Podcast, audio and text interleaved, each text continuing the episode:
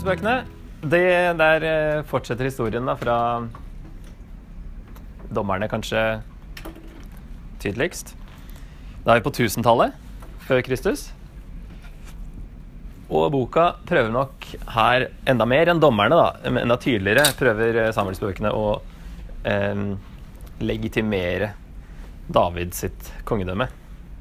Og vise at han var den, eh den riktige kongen. Så kanskje to spørsmål som, eh, som boka svarer på. Hvordan bør Israels kongedømme fungere? Og hvem bør kongen ligne på? For det er jo to Det handler om Saul og David, og det er kontraster. Og vi skjønner jo at uh, kongen bør ikke ligne på Saul. Kongen bør ligne på David. Og at kongedømmet bør fungere på den måten at det er Gud som er den egentlige kongen. Og den jordiske kongen må høre på profetene um, når de taler på vegne av Gud. Det gjorde ikke Saul, men det gjør David. Og anerkjenne at de kan ikke gjøre som de vil. Men det er Gud som er den egentlige kongen. Den kontrasten nå ser vi mellom Saul og David. Så en eh, sånn grov eh, inndeling av de to bøkene her. Det er jo ganske lang historie, da, men veldig viktig historie. Det er først Samuel. Han er kaller den siste dommeren, som dømmer på samme måte som mens det er et såkalt teokrati. Og så er det da at folket da i kapittel 8 så sier de vi vil ha en konge og være som alle andre.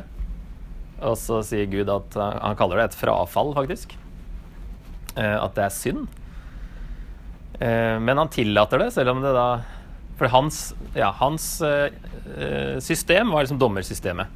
Mens monarkiet er egentlig folkets idé. Eh, men det er, det er, ikke ideelt, men Gud tillater det. Det er interessant. Men han kaller det da et frafall og en stor synd. Fordi de egentlig da avsetter Gud som konge, sier han. Nå slipper de å, å stole så mye på Gud lenger. Nå kan de bare stole på sin egen hær. Uansett så var det jo ikke systemet som var problemet, da. selv om de mente at de trengte en konge. Det var jo synden som gjorde at de havna i all den ulykka i dommertiden. Det er alltid synden som er det egentlige problemet. Og det ser ikke de ut til å ha skjønt, da. Og hvis kongen hadde fulgt loven, så ville det ikke vært så annerledes da, i praksis. Men det er David som er den eh, aller beste kongen. Og utover i kongebøkene så sammenlignes alle senere konger i hvert fall i Juda, i Sørriket, sammenlignes med David. Og egentlig ingen når helt opp. Et par kommer ganske bra, eh, ganske høyt opp, men det er egentlig ingen som kan måle seg med David. Da. Så eh, har vi da noen kapitler om hvordan Saul blir konge. Og hans regjeringstid, som ikke er eh, så mange kapitler.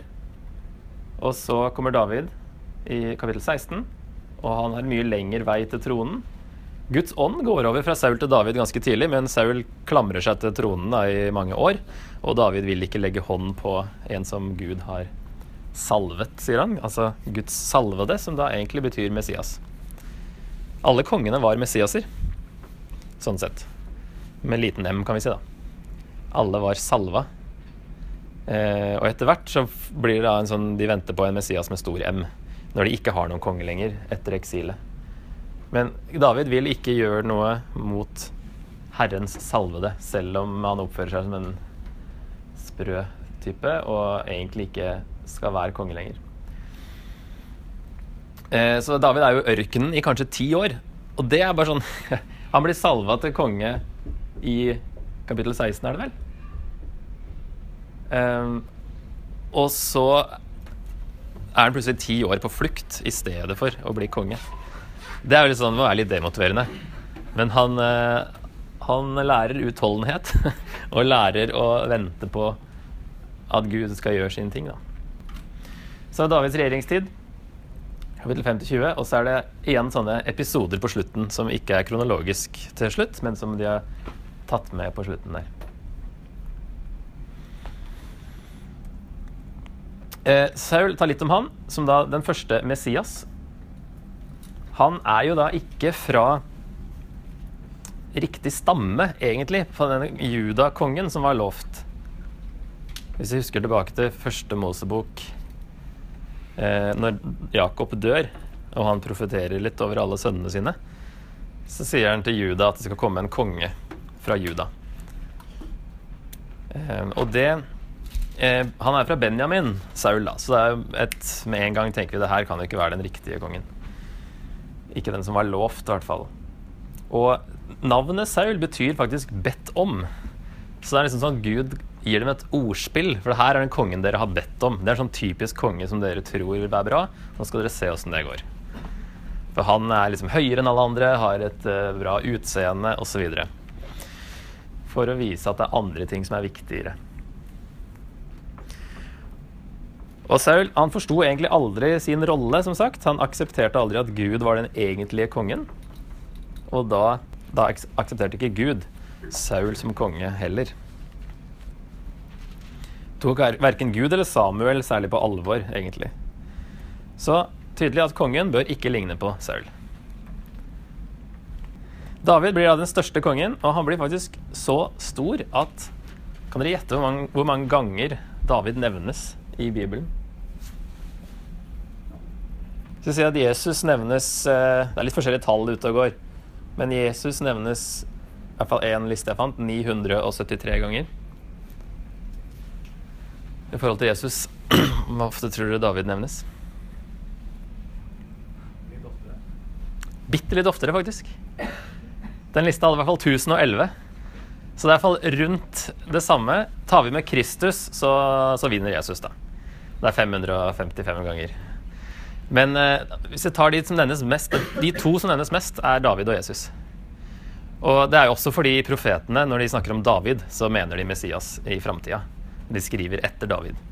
Men de skriver ikke liksom Davids sønn Messias, men de bare skriver David ofte. Men han blir uh, veldig sentral. Derfor er det viktig at dere leser begge Samuelsbøkene helt. Um, nest etter Gud, så er Jesus og David de som nevnes mest. Og David er en mann etter Guds hjerte, som nevnes. Og han hadde da en personlig relasjon med Gud. Det er kanskje det som er det viktigste med at han var en mann etter Guds hjerte. Og at han, han eh, var ydmyk.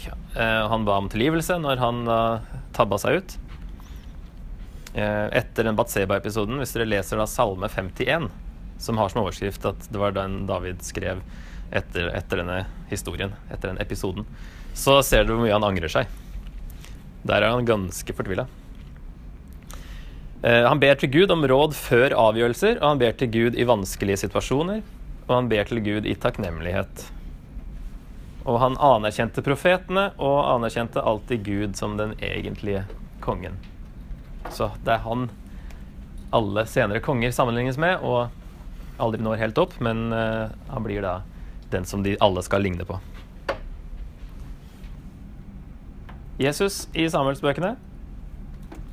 I 2. Samuel 7, det er et veldig viktig kapittel, for der loves da at eh, Davids kongedømme skal vare evig. Som tas opp igjen i bl.a. Hebreerbrevet. Og det er jo der det Dette med at en av Davids etterkommere skal alltid sitte på tronen. Og faktisk så skal det vare evig. Det vil jo si at den siste, største Davidskongen skal ha et evig rike. Så det her ble et, et veldig viktig kapittel. Med at det her du liksom får det at Davids, et Messias skulle komme fra David.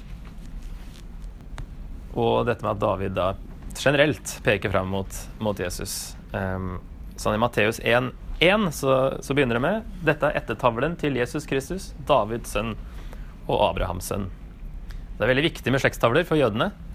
Og han måtte være en etterkommer av David for å være Messias, pga. det som sies her i kapittel 7 i andre Samuels bok.